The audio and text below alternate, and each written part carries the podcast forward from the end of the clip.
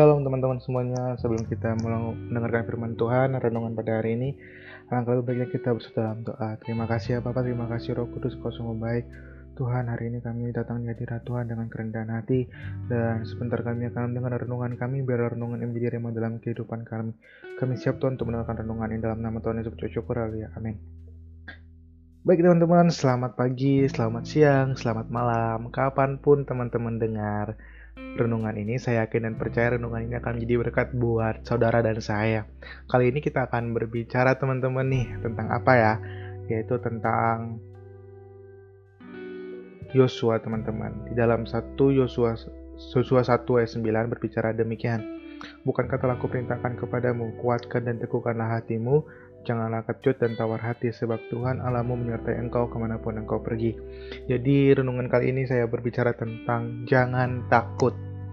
Teman-teman, rasa khawatir, rasa cemas itu memang ada dalam kehidupan kita.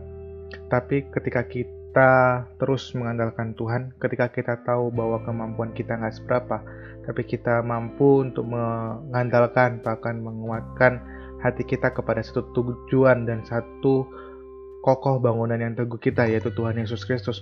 Kalau teman-teman sadar bahwa hari-hari ini semakin hari-hari yang susah, kalau teman-teman sadar mungkin hari-hari ini teman-teman sedang mengalami masalah yang begitu besar, yang begitu berat, teman-teman jangan takut lewati itu bersama dengan Tuhan.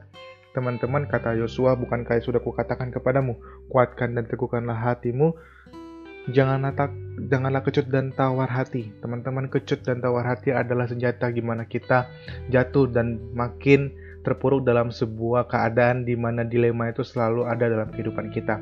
Ketika kita kecut dan tawar hati, hati kita menjadi ambigu atau menjadi pelintan dalam mengambil keputusan. Nah, teman-teman, yang saya mau tekankan di sini untuk renungan kita semua Yuk sama-sama kita hari ini jangan takut. Kita melangkah bersama Tuhan. Tuhan juga katakan, sebab Tuhan Allahmu menyertai engkau ke mana pun engkau pergi.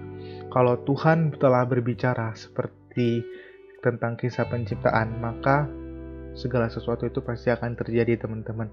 Nah kalau misalnya Tuhan sudah berfirman melalui pelajaran kali ini melalui Yosua kepada bangsa Israel, tapi itu firman itu juga disampaikan kepada saudara dan saya bahwa janganlah takut, janganlah kecut dan tawar hati, sebab ke mana pun engkau pergi, di situ Tuhan menyertai engkau, teman-teman. Tuhan adalah batu karang yang teguh, sauh yang sauh yang kuat dalam hidup kita, ketika hidup kita dalam dilema, ketika hidup kita dalam sengsara, ketika hidup kita dalam keadaan terpuruk, Tuhan selalu ada, teman-teman.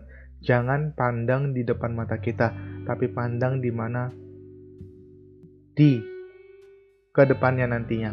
Teman-teman, kalau misalnya Tuhan udah berkata, pasti akan terjadi. Ingat yang baik, kalau misalnya Tuhan berkata, ke mana pun engkau pergi, engkau akan menyertai. Jangan takut, ambil keputusanmu, ambil hal yang engkau anggap baik dan benar, dan serahkan itu semua kepada Tuhan. Karena manusia banyak rancangan, tetapi Tuhanlah yang rancangan Tuhanlah yang terlaksana.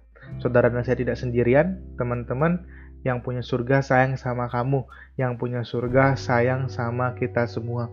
Kalau kamu tahu kamu disayang Tuhan, kalau kamu tahu hidupmu diberkati Tuhan, kalau kamu tahu hidupmu berkenan di hadapan Tuhan, kalau tahu hidupmu ada harganya, ada nilainya di mata Tuhan, yuk sama-sama kita bangkit lagi.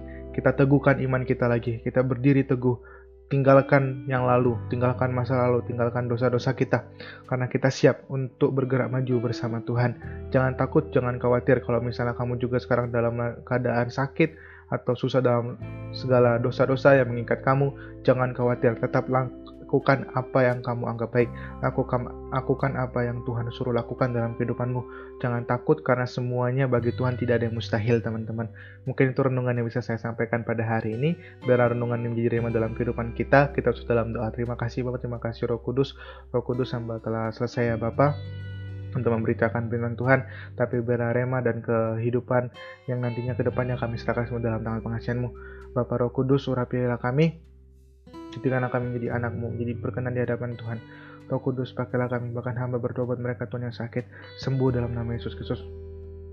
Roh Kudus sembuhkan mereka, bahkan mereka juga yang terikat, bahkan hamba juga Tuhan yang mungkin ada dosa-dosa di hadapan Tuhan, lepaskan segala dosa-dosa masa lalu ya dalam nama Tuhan Yesus Kristus. Terima kasih Bapak, terima kasih Roh Kudus, Engkau sungguh baik, Engkau sangat baik. Inilah suruh anakmu ya Bapak, dalam nama Tuhan bersyukur, inilah suruh anakmu haleluya. Amin. Teman-teman, selamat menjalankan aktivitas kembali karena yang punya surga sayang sama kamu dan Tuhan Yesus Kristus juga sayang sama kamu. Tuhan Yesus memberkati. Shalom.